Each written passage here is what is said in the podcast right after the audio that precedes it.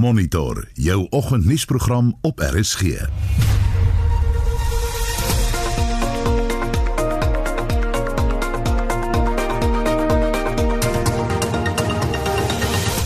In volgens se programme versoek dat die droogtegetuisterde Oos-Kaap as rampgebied verklaar word. Ons sal natuurlik so dringend moontlik finansiële uh, befondsing moet kry om ons boere en ons munisipaliteite wat uh, nog gebuk gaan onder hierdie erge droogtekrisis nog van verdere befondsing te voorsien. Net na 07:30 praat ons met die ekonom oor die IMF e lening van 70 miljard rand. Baie werksgeleenthede in die tabakbedryf is in die gedrang. Daar is moeilikheid reg van die boere af dwars deur die verwerkers, die vervaardigers en dan meer as 180 000 klein besighede, spaza shops, tabletops, uh informele sektor wat ook 'n lewe maak uit tabakprodukte hmm. uit. So almal op hierdie stadium is in baie baie diep moeilikheid as gevolg van hierdie absolute sinnelose verbod wat geen doel dien hoegenaamd nie. En ons praat met Daniel Hugo oor MM Walters se bydrae tot die Afrikaanse poesie. Welkom by Monitor. Die span is vanoggend Wessel Pretorius, Lewona Bekes en ek is Gustaf Vreiding.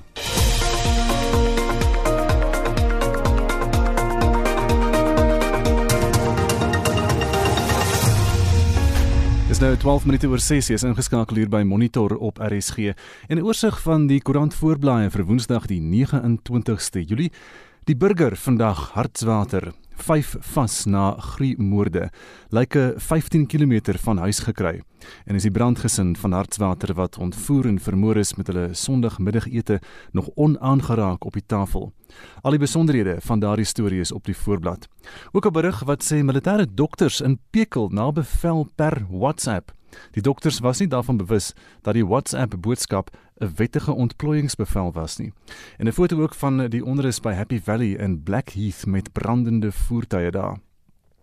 Beeld en uh, Volksblad se opskrif vandag ete staan nog net so ook die berig oor die moord op die brands van Hartswater en familie is by toe Marx die vraag vra dis die rugby speler Malcolm Marx wat verloof geraak het aan Kirsten Grant Business Day vandag Treasury pledges to pursue debt ceiling en is 'n belofte wat aan die IMF e gemaak is in ruil vir die reuse COVID-19 lening van 70 miljard rand. En dan 'n beperking op hoeveel die regering in die toekoms mag leen. En Ramaphosa fires up NPA Zondo collaboration en dit gaan oor die samewerking tussen die Zondo staatskapingskommissie en die nasionale vervolgingsgesag. President Cyril Ramaphosa het die regulasies verwyder wat die uitruil van inligting voorheen verhoed het.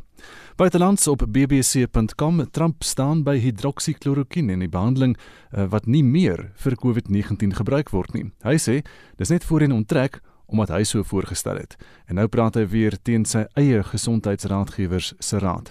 Die herrie het ontstaan toe Twitter sy seun Donald Trump Jr se rekening gesluit het omdat hy vals nuus oor die middel versprei het. En dis dan vinnige oorsig oor vanoggend se nuus. Nou ons SMS vraag vandag. Ons wil vanoggend by jou weet, kom jy die inperkingsregulasies na? Hoe getrou volg jy die reëls of buig jy die regulasies so bietjie uh, soos dit jou pas? Weet jy weet jy nog wat is al die reëls? Stuur vir ons 'n SMS by 45889 eh, en daardie SMS se kos R1.50. 45889. Jy kan jou mening ook deel op ons Facebookblad by facebook.com vorentoe skynstreep ZARSG. Nou, politieke partye het uiteenlopend reageer op die IMF e se multimiljard rand se lening aan Suid-Afrika. Die internasionale monetaire fonds het 'n lening van 70 miljard rand goedgekeur sodat Suid-Afrika die ekonomiese gevolge van COVID-19 kan hanteer. Maar baie partye is skepties oor hoe die geld gebruik gaan word te midde van beweringe van korrupsie. Die 70 miljard rand lening van die IMF is deel van die regering se 500 miljard rand stimuluspakket om die ekonomie te steun. Dis die eerste IMF-lening aan die post-apartheid regering. 'n Teken dat alles nie so rooskleurig in Suid-Afrika is nie. Die lening kom in 'n tyd waar daar beweringe van korrupsie en diefstal is van COVID-19 fondse. Die woordvoerder van Cope, Dennis Bloem, is skepties. There is no guarantee that the IMF loan money will not be stolen just like the COVID 19 disaster funds. These greedy, heartless thieves don't care about the country and the people. Corruption under President Cyril Ramaphosa is getting worse our country is bankrupt. The ANC has collapsed the country's economy. President Cyril Ramaphosa and the ANC must hang their heads in shame. President Ramaphosa's integrity and credibility is at stake. Sommige partye het reeds voorstelle om verantwoordbaarheid te verseker. Die DA skadu minister van Finansies, Jordan Hill Lewis. And so we have proposed a number of measures to ensure that this loan money is not wasted on corruption and theft by ANC tenderpreneurs and cronies like so much of the other money has already been wasted. We are proposing that the National Treasury tables every month a detailed report on how the money is being spent, which businesses are receiving tenders, and who the directors of those businesses are and that they appear before Parliament to face scrutiny and questioning on those reports. Die EFF se woordvoerder, Buyani Pambu, is bang dat die internasionale uitlener die land se ekonomiese onafhanklikheid sal ondermyn. This is the biggest political blunder in the history of South Africa. Loans from the IMF always come with neoliberal and neo-colonial conditionalities, and South Africa will not escape from this reality, whether immediately or in the long run. The IMF will impose conditionalities which will certainly undermine South Africa's macroeconomic and fiscal policy sovereignty. Once again, the EFF will be proven to be correct in this observation. It is now evident that the white capitalist establishment is working with their global allies to use their puppet President Ramaphosa to hijack the sovereignty of South Africa. Die ANC se woordvoerder Pule Mabe verwelkom die lening en sê die party sal verseker dat geld ten goeie gebruik word. welcome the approval of the IMF uh, loan and are confident that in uh, carrying through the work of ultimately securing the loan, our own national treasury had placed foremost the interest of the people of South Africa. A view that we had previously made that there must never be conditions that will serve to undermine the sovereignty of our people. We also believe that this loan would go a long way towards boosting our efforts to fight and defeat the COVID 19 pandemic. It is also important that on how these loans are utilized, greater prudence is exercised. Nog twee finansiële instellings, die Nuwe Ontwikkelingsbank en die Afrika Ontwikkelingsbank, het beloof om Suid-Afrika se swak ekonomie te help. Ntebo Mkobo van ons politieke redaksie het hierdie verslag saamgestel. Mitsi van der Merwe, SAK nuus. En ons praat net na 07:30 vanoggend verder oor die IMF lening met 'n ekonoom. Die voormalige minister van Polisie, Natin Nhleko, het ontken dat hy by die werksamehede van die onafhanklike polisie ondersoekdirektoraat ingemeng het. Nhleko het voor die Zondo-kommissie getuig nadat hy deur die voormalige Opot hoof, Robert McBride, van onder meer inmenging beskuldig is.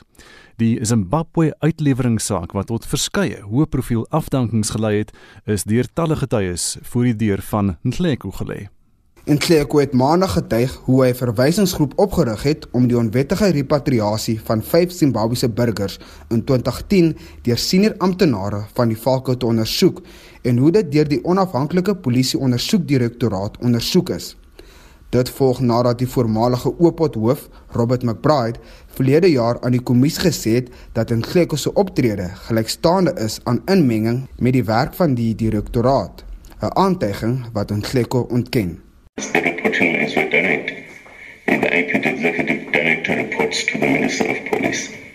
But also the provisions in the IPD Act, um, I think it's Section 7, subsection 12, as you know, also Section 28, subsection 1, which entitles the Minister to uh, ask for any information pertaining to the work of the executive director and so on.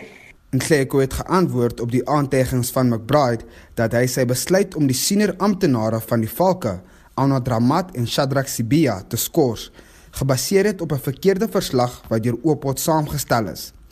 Nhleko het in 2014 verkies om hom te laat lei deur 'n vroeëre verslag wat op 22 Januarie onderteken is, eerder as die een wat op 18 Maart deur McBride oorhandig is wat die amptenare vrygespreek het. En Klek het egter aan adjunk hoofregter Raymond Zondo gesê dat hy nie kan onthou wie hom die vroeëre verslag gegee het nie. If you instruct people in the office, they will go different whatever ways to try and establish whether is that the kind of uh, a, a thing that can be obtainable within within the ministry and, and, and so on. So that's how it came about. Uh, in other words, does that mean you can't remember who exactly gave you that report? Yes, I cannot. I mean, there's no way that I would. I mean, you leave an instruction for people to try and find this report. At some point, you come back, it's on your desk. En Kleko het verder verduidelik dat hy bekommerd was dat die tweede verslag wat deur McBride onderteken is, verander is. Hy sê dat hy om verskeie redes nie die eerste verslag ongeldig wou verklaar nie.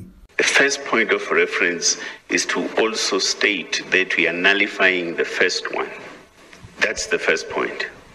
Now, but in this particular instance, the legislative and institutional arrangement between IPID and the NPA says if IPID is uh, conducting a criminal investigation, the NPA would assist them with prosecutors or a prosecutor.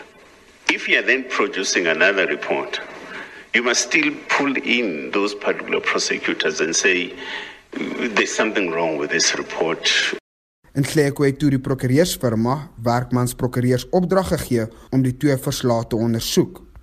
Hy sê die prokureursfirma het bevestig daar is wel veranderings aangebring. There are no cosmetic grammatical kind of changes that, that we're dealing with here. We're dealing with material. So surely the complete of a particular paragraph and or statement, for an example, in a report that you would have to decide, let's say as a prosecuting authority, for an example, it would certainly influence the kind of position that you would have to take. Oor die vervanging van Dramat na sy skorsing het Nhleko gesê dat hy niemand behalwe die destydse polisiekommissaris Ria Piega en destydse president Jacob Zuma vertel het oor sy beoogde skorsing van die Valkehoof en sy vervanging met Burning in Tlemeza nie. Dit is teenstrydig met die getuienis van die Oopot ondersoeker Innocent Kuba wat aan die kommissie gesê het dat Tlemeza hom vertel het van sy bevordering weke voor dit gebeur het. Nhleko se getuienis duur vandag voort. Hierdie verslag deur Busi Chimombe en Akas Vincent Mofokeng vir SAK nuus. Dis nou 23 minute oor 6 is ingeskakel hier by Monitor op RSG en die sakeverslag word aangebied deur Fraser Miller van PSG Wealth. Môre Fraser. Môre Gustaf en môre al die luisteraars. Uh gister was 'n dag waar geen noemenswaardige nuus bekend gemaak is nie en mense kan dit sien in die beweging van die mark. Die algehele indeks sluit 0,02% laer en dis maar 12 punte op uh, 56313. Aandele wat wel goed gevaar het, was PSG, was opgewees 6,9%. Hy sluit op R173.19.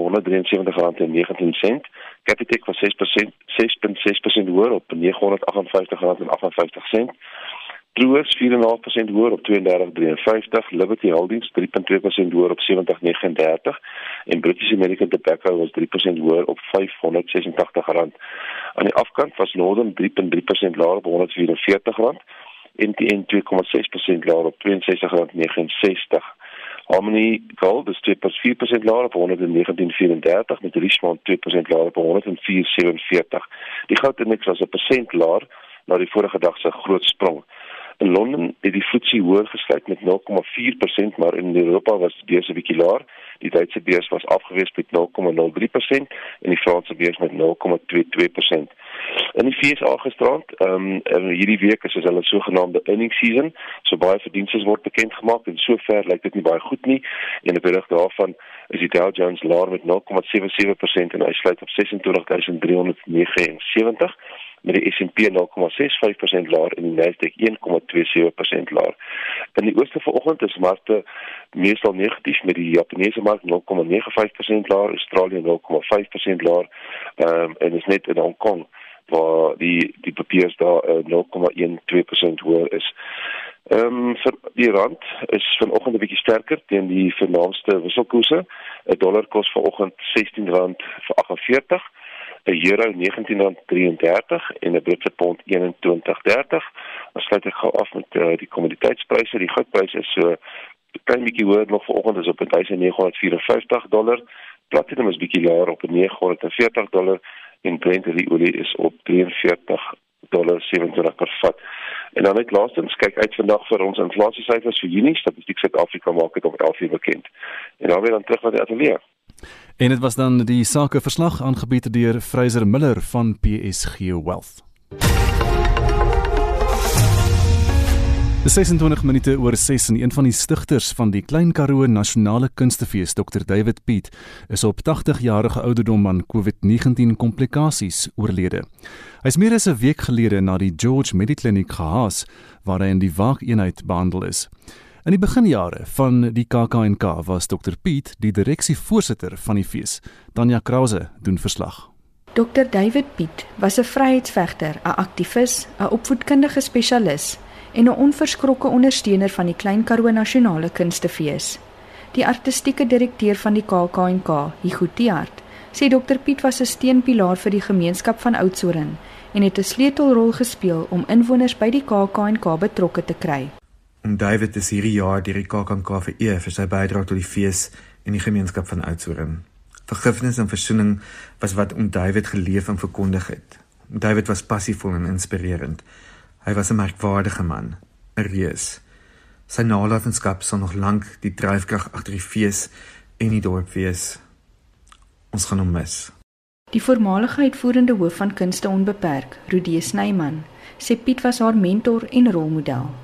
En hy het op so baie maniere, op baie nuwe maniere, het hy vryheid vir mense gebring wat seker op 'n stadium sy onderdrukkers was. As ek vandag vir hom 'n lied moet speel, dan sal dit Simon en Garfunkel se El Condor Pasa wees. Vlieg vry oom David. Ek sal jou altyd mis. Die Oudtshoorn munisipaliteit het al meegevoel aan Dr Piet se familie oorgedra. Die munisipale woordvoerder Ntobeko Mangwengwe sê Piet het 'n groot rol gespeel in die opheffing van die plaaslike gemeenskap.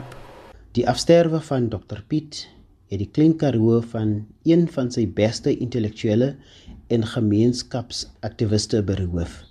Dr Piet, een van die stigterslede van die Klein Karoo Nasionale Kunstefees, is oorlede terwyl hy banbrekerswerk gedoen het vir die verstigting van die groter Oudtshoorn as 'n opleidings en kennisentrum. In 'n verklaring sê die Wes-Kaapse minister van Kultuursake en Sport, Anru Mare, dat Dr Piet se heengaan 'n groot leemte in die kunsgemeenskap laat.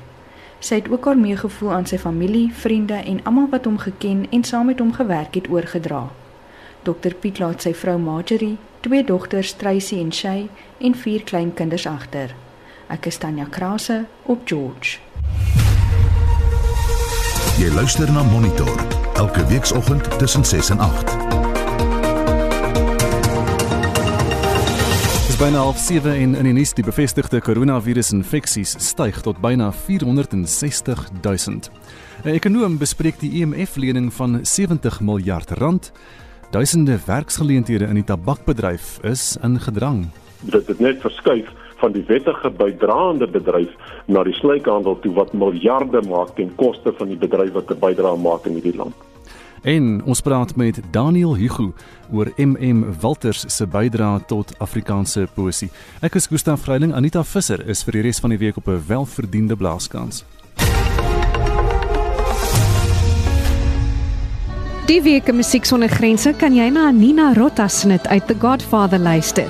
Vicky Leandro sing haar treffer Mundharmonica Boy en Janis Parios sing die lied Red Carnation in Grieks. Dit is Musiek sonder grense Vrydag 31 Julie om 10 oor 9 saam met my Veronique van Heiningen. Για να με γνωρίσεις μες στο πλήθος Φόρεσα γαρίφαλο στο στήθο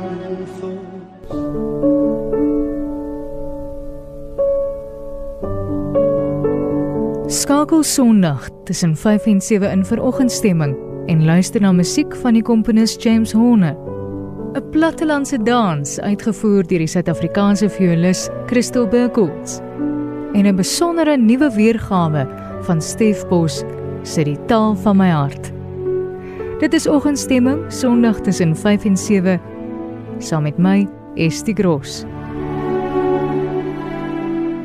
Daar is geen verkeer. En as nog min wat aan die gang is in die verkeer vanoggend in Johannesburg, staan daar 'n voertuig op die N3 suidwaarts net voor die Galories wisselaar en die linkerbaan is daar versper. So wees maar versigtig as jy ry op die N3 suidwaarts. As jy weet van enige ander verkeersnuus, kan jy vir ons SMS by 45889 en dit kos R1.50. En gepraat van die SMS'e, ons wil vanoggend hoor of jy die inperkingsregulasies nakom. Jean Estreisen is hier, Jean, môre. Hallo.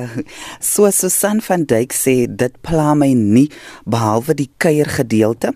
Ek mis my ouers en kinders, maar ek gehoorsaam die reëls oor my liefde vir hulle. Janita Jansen van Rensburg skryf skryf weer: Dra maskers, maar dis baie ongemaklik. Gaan netjies, gaan net winkel toe met my masker saniteer en al daai dinge, dan sê hy, nee, ek volg die reëls, maar ek kan nie meer so in die woonstel sit nie. Elsa Joubert sê, nee wat? Ek pas dit soos aan soos ek goed dink. Hm. Die meeste van hierdie reëls is volgens haar sinneloos. Linda Jakob sê ons volg die basiese reëls alhoewel van dit vir my belaglik is en die reëls het vir, van ons kriminele gemaak om sigarette op die swartmark te koop. Lammy Walter skryf ek volg die reëls. Janie Marie de Jager is ook gehoorsaam. Mani sê weer ja ek dra my masker elke dag in die werk hou afstand van ander sodat dit vir elkeen 'n gesonde lewe kan wees Baren sê ek dra maar my masker in die winkels gewoond om in my woonstel te wees. Annetjie Kreer sê ek gaan net uit wanneer dit noodsaaklik is. Winkel en werk dra maskers selfs wanneer ek gaan stap vir oefening. Maurice sê weer dra masker, behou afstand en was hande gereeld, maar die res van die reëls geld nie vir my nie. Ons wil vanoggend by jou weet Kom jy die inperkingsreëls en regulasies na of buig jy die reëls net so 'n bietjie soos dit jou pas? Stuur 'n SMS na 45889 teen R1.50 per SMS en jy kan ook op Facebook saamgesels. Dis nou 27 minute voor 7 en ons beweeg na die sportveld. Hier is Shaun Jooste. Ons begin met cricketnuus. Engeland het die tuistoetsreeks teen die Wes-Indiese eilande met 2-1 gewen nadat hulle die besoekers gister op dag 5 van die laaste toets met 269 lopies afgeronsel het. Die Windies moes 399 vir die oorwinning aanteken, maar is vir 129 uitgeboonder. Die Engelse naadbouler Stuart Broad was die speler van die toets net 10 paaltjies vir 67 lopies laat kantel en ook die sewende bouler geword om 500 of meer paaltjies plat te trek. Hy het ook 62 lopies in Engeland se eerste beurt aangeteken. Engeland se eerste wedstryd van hulle eendagreeks teen Ierland, ook die eerste wedstryd van die IKR se nuwe Superliga begin môre in Southampton. Sokker.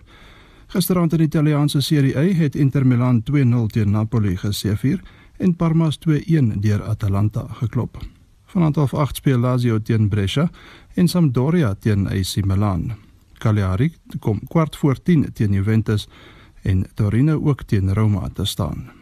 In die Engelse Eerste Liga se uitspelfase draf Brentford vanaand kwart voor 9 in die tweede been teen Swansea City op die veld uit.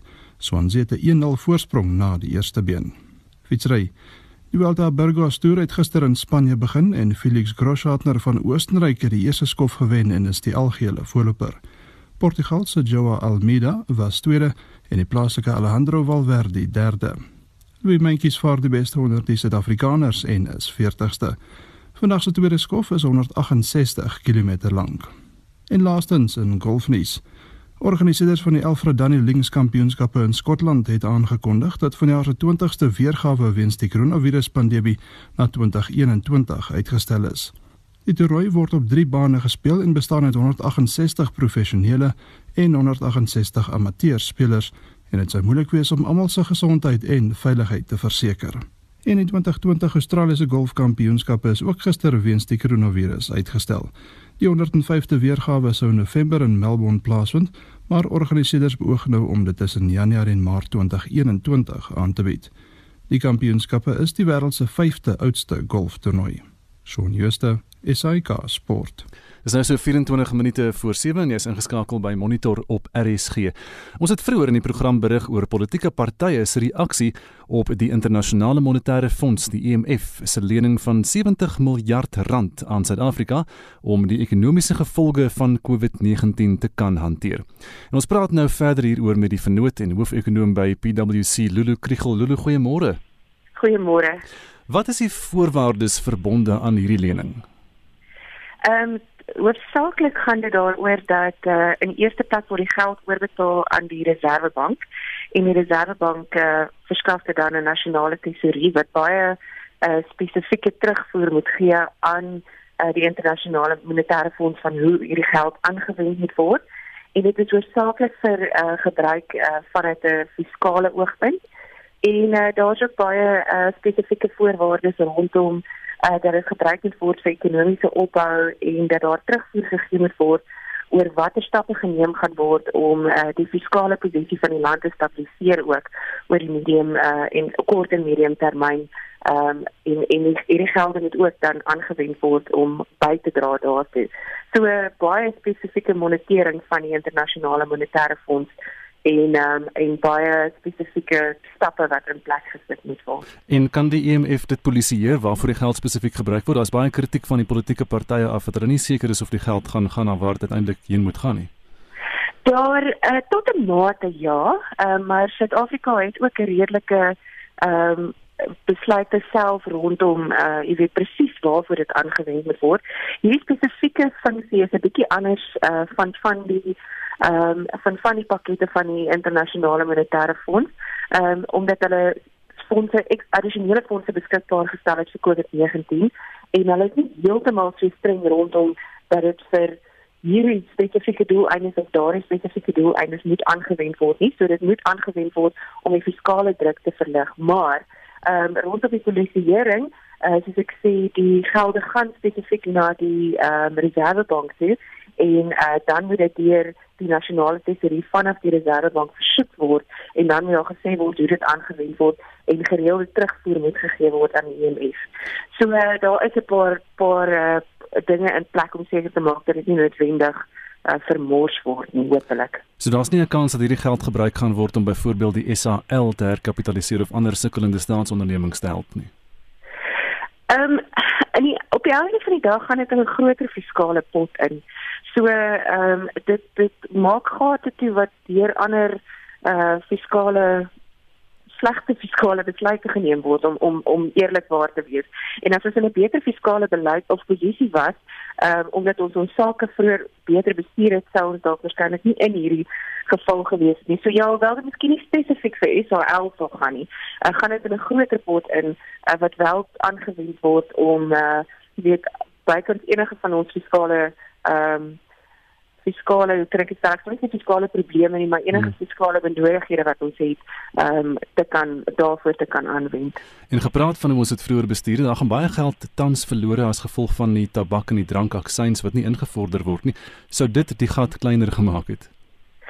Ehm um, 'n klein bietjie maar om eerlikwaar te sê daai gat is verskriklik groot. Ons hmm. praat van 'n omgewing van 300 miljard rand plus wat ons te min gaan kry um, op dit wat ons die begin van die jaar verwag het. En toe het ons reeds al gedink ons gaan omtrent 200 miljard minder kry wat nodig is, 200 tot 300 miljard minder.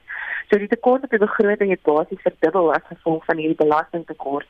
En uh, ja, dit uh, sal oor die kort termyn help om die fiskale posisie te, te stabiliseer, maar om eerlik te wees ehm um, daar sal baie besliste ehm um, beleidsbesluite geneem moet word om besteding te besnoei en uh geld anders aan te wend en te kyk na ekonomiese groei. Ehm um, as hierdie geld werklik in die groter prentjie 'n verskil gaan maak in Suid-Afrika se fiskale posisie. Ek sien volgens 'n hoofberig op Business Days, hulle sê die tesourier van die regering van Suid-Afrika het 'n brief aan die IMF gestuur waarin hulle half beloof dat hulle nou 'n skuldplafon gaan handhaaf. Is dit moontlik?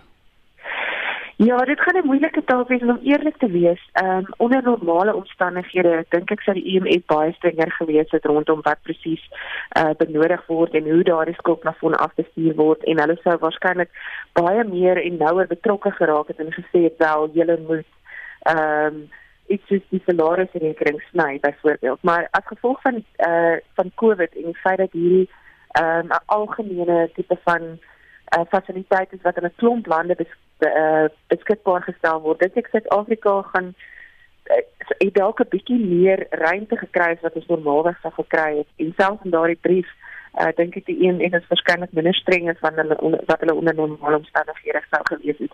So ek hoop ons kan daarby hou want um, om eerlik te wees Ehm um, boonbehalwe dit wat die IMF van ons verwag, is dit die enigste langtermyn ehm um, langtermyn besluite wat ons kan neem um, om ons fiskale uh, stabiliteit uh, te verseker, is om daadwerklik te kyk dat ons die uh, die um, plafon uh, rondom wat ons skuld is uh, handhaaf en kan afbring oor die oor die kort tot medium termyn.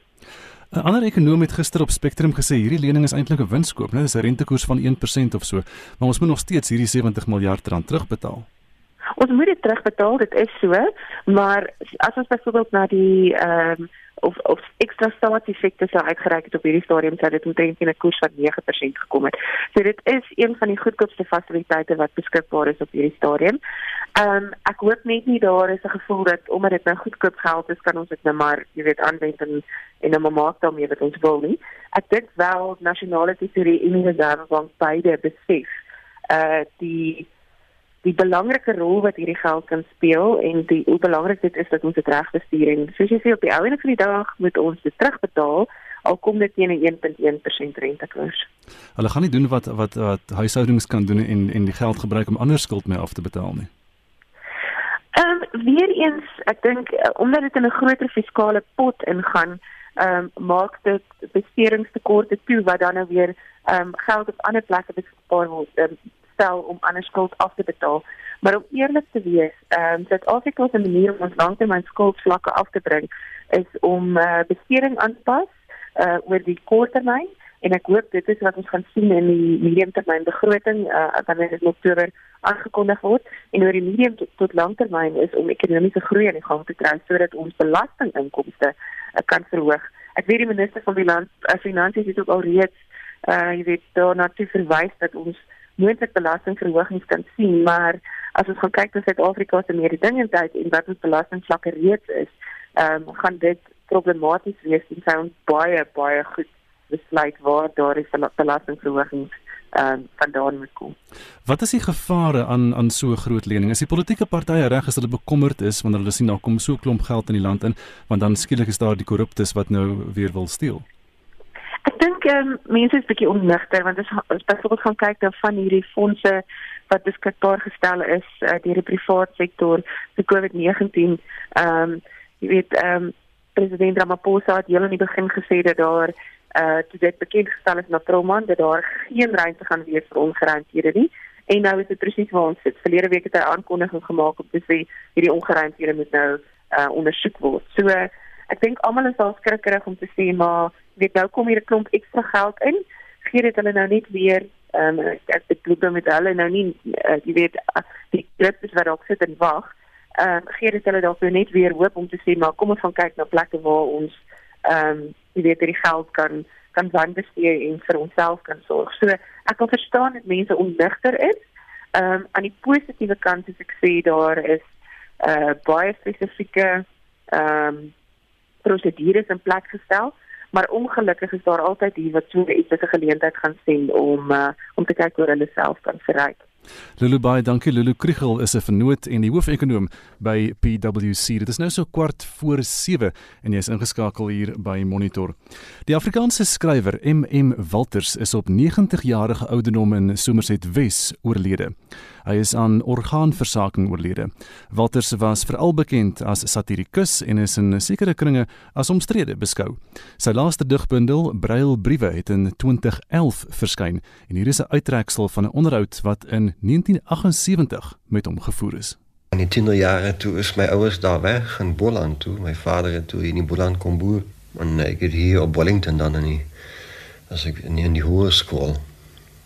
Ek het dieselfde onderwysers byvoorbeeld gehad as as Breitenbach. Breitenbach het mos ook skool gegaan hier op Wellington. Ons uh, Afrikaans onderwyser was dieselfde man. Hendrik Lochner. Peaceful het ons van gesê. Dierbare mens. Hy is een wat uh, op, op my 'n groot indruk gemaak het. Dis dis die man se se lewenshouding meer as iets anders dink ek. MM Walters aan die woord in 1978 en uh, Karen de Tooy van die SAIK se argief het vir ons daardie klank opgespoor. Nou ons bly by die onderwerp en ons praat met die digter, literêre kenner, vertaler en akademikus Dr Daniel Hugo Daniel. Goeiemôre. Ja, goeiemôre. Dit klink daar asof MM Walters Nederlands is, maar hy is nie, né? Nee, nee, nee, hy het geen hy was net in Nederland so ver ek weet nie of hy daarvan nie land daar gewoon nie. Dit is maar 'n sekere soort uh, swartlandse aksent waarmee hy praat en dit is nou baie lekker, maar ook ontroerend om sy stem so te hoor nog so vars en helder en jonk in 1978. Ja. Wat was sy bydrae oor die algemeen tot die Suid-Afrikaanse poesie? Wel, hy was natuurlik in die eerste plek bekend as 'n satirikus, 'n man wat nie geskroom het om die onregte uit te wys nie, veral in die kerk en die staat.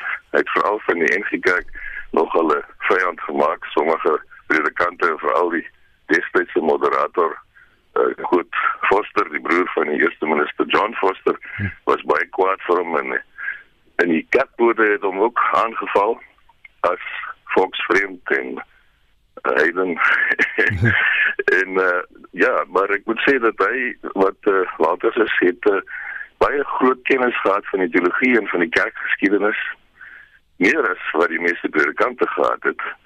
En uh, hy was eintlik dus 'n meester op hulle terrein gewees en hy kon hulle aanval op plekke waar dit seer maak. Was hy 'n gelowige mens of was dit meer 'n akademiese ding? Nee, ek dink hy was gelowig hy was 'n lewe lank 'n soekende mens gewees, 'n soek, soeker na die waarheid met 'n hoofletter en 'n soeker na God. Maar uh, ek dink nie hy het ooit gelowig geword nie, nee. Ja. Jy sê word ook onder die 60ers gereken. Ja, want hy het gedebuteer in die laat 60er jare met sy bundel Kabbalah, waarvoor hy ook bekroon is destyds, maar hy het hom nooit geskaar by enige groep nie, veral nie by die groep 60ers nie. Hy het uiteindelik maar sy eie pad geloop. Hy was ook byvoorbeeld nooit lid gewees van die Afrikaanse Skrywersgilde nie. En dit is natuurlik belangrik dat 'n satirikus 'n eenling moet bly.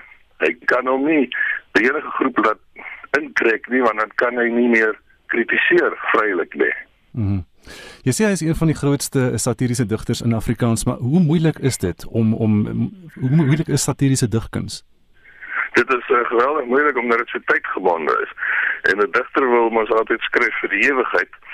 So as hy praat oor dinge wat oor 10, 20, 30 jaar nie meer bekend is nie. As die feite geloof begin het in die wêreld het verander en die politiek het verander en die kerk het verander dan raak die gedigte irrelevant. Dit is dus die groot uitdaging om dinge te sê na aanleiding van aktuelle sake wat nog oor 100 jaar gelees en verstaan sal word.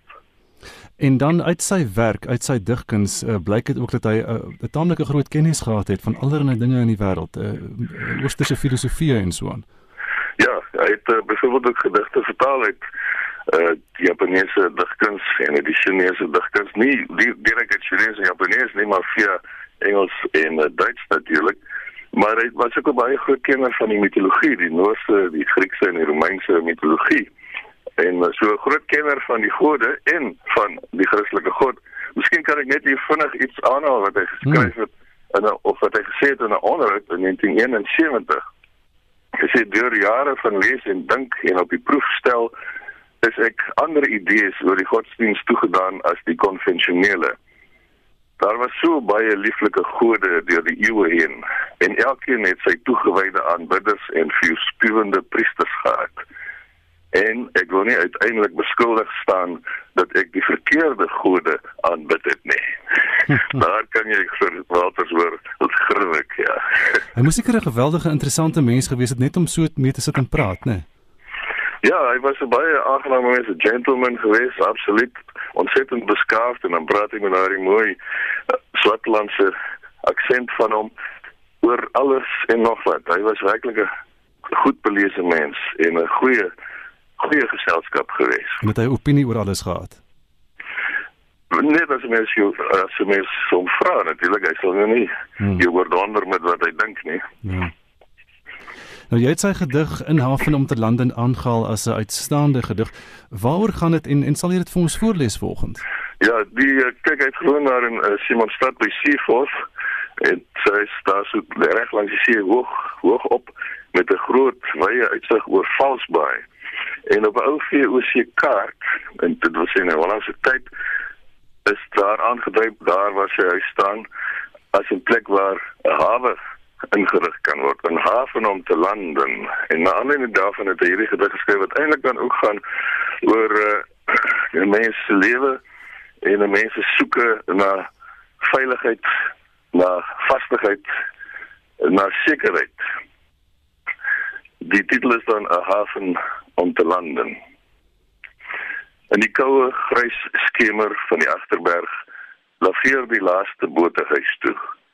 Dun wit seile in 'n wintersee soek na 'n haven om te landen. Die meeuwe trek saam op duikersklip, dig teen die donker en die wind. En oor die water hang 'n hunkerende roep na 'n haven om te landen. Die stomp neus van die steenberg los op tussen see en lug. Die nag word swart sonder lig wat wink na 'n haven om te landen. En ou herinneringe en vertwyfeling sak oor my soos 'n swaar seemis.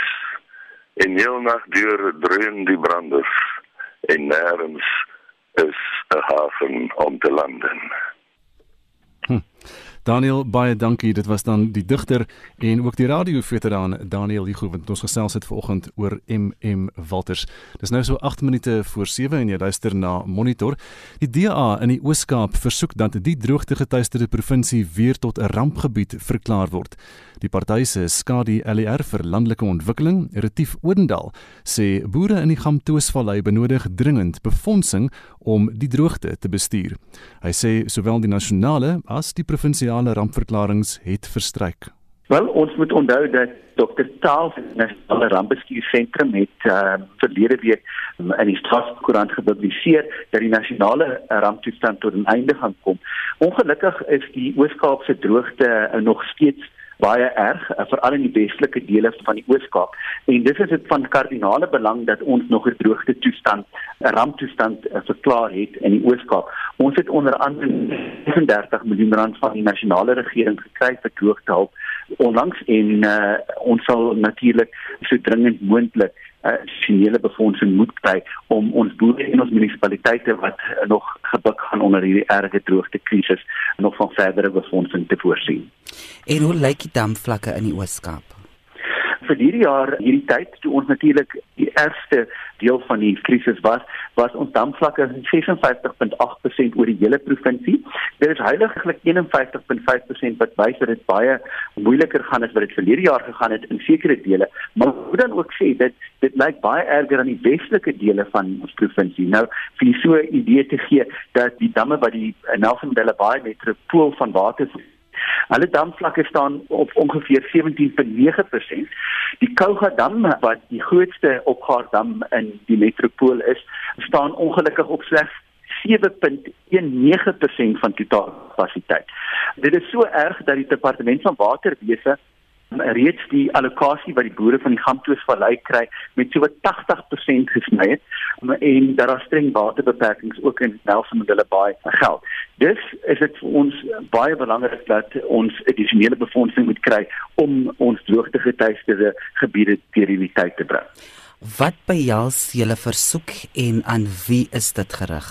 Wel ek het my versoek gerig eerstens aan Dr Taal wat natuurlik die hoof van die nasionale rampbestuursentrum en hom gesê dat hy asseblief moet tussen beide tree en met ons premier meneer Oscar Mbuyani in verbinding moet tree om te probeer om 'n nuwe ramptoestand te laat afkondig in die Oos-Kaap. Die Oos-Kaap se provinsiale ramptoestand het reeds in Januarie verval en daar was toe nie een in plek gesit nie omdat daar 'n nasionale ramptoestand afgekondig gewees het.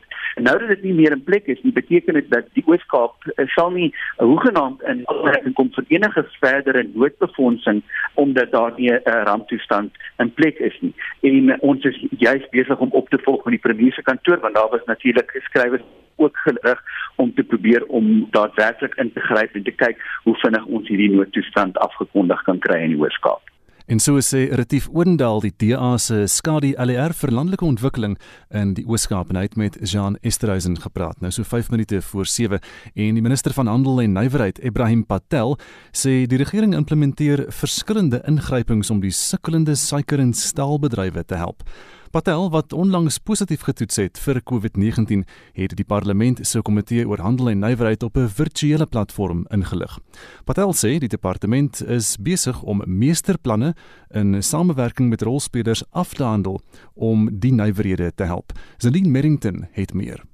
In Invoere uit lande soos Brasilië lei daartoe dat die suikerbedryf sukkel om te oorleef. Die minister van Handel en Nywerheid, Ibrahim Patel, sê plaaslike verbruik het ook afgeneem. Though a big challenge immediately that the industry faces is the increasing imports. Accompanying that, though, is a greater health awareness by consumers that is leading to reduction in uh, sugar uh, consumption by South Africans. The sugar has been indicated as a significant health challenge by the Department of Health, excessive consumption of sugar. And so the demand for sugar is decreasing from consumers, and at the same time, the sources of supply are diversifying in the sense that we have more imports. Saam met rolspelers in die bedryf het sy departement 'n ooreenkoms bereik vir die kort tot medium termyn. Local users, the food companies and uh, the um, soft drink companies as well as the retailers would commit to buy local sugar.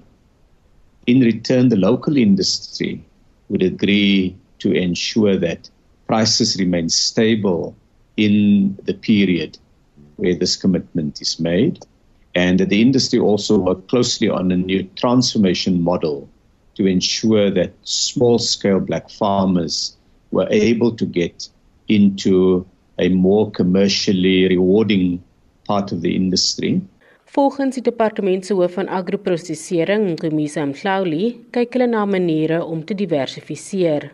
It's only two income streams that the farmers are benefiting on, which is the molasses as well as sugar. So now the diversification plan is going to look at other income streams, which includes mainly your biofuels, which includes your bioethanol, which includes uh, your biogas, which includes your plastics, and so on. Patel sê die regering is daartoe verbind om die staalbedryf te help.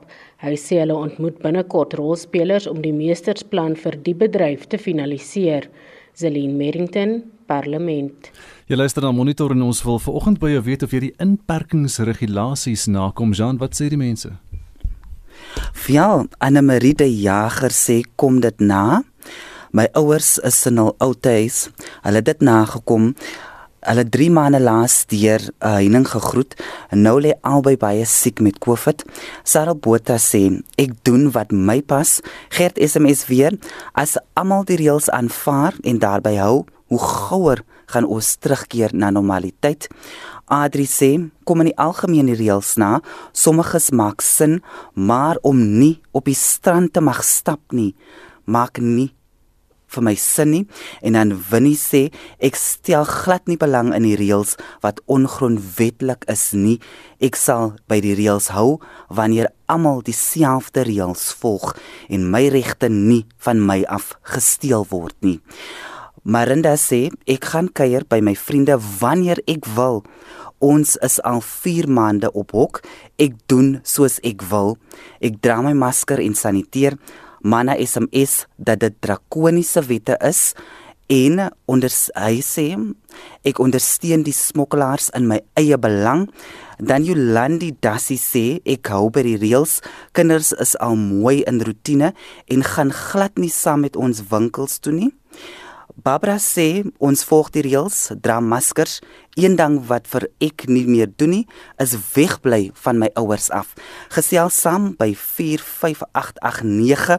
Ons wil by jou weet kom jy die inperkings regulasies na of buig jy dit so 'n bietjie om vir jou te pas? Jy is by monitor net na 7 praat ons oor tabak, maar dit is nou eers 7 uur en is nuustyd op RSG. SAK nuus. Onafhanklik, onpartydig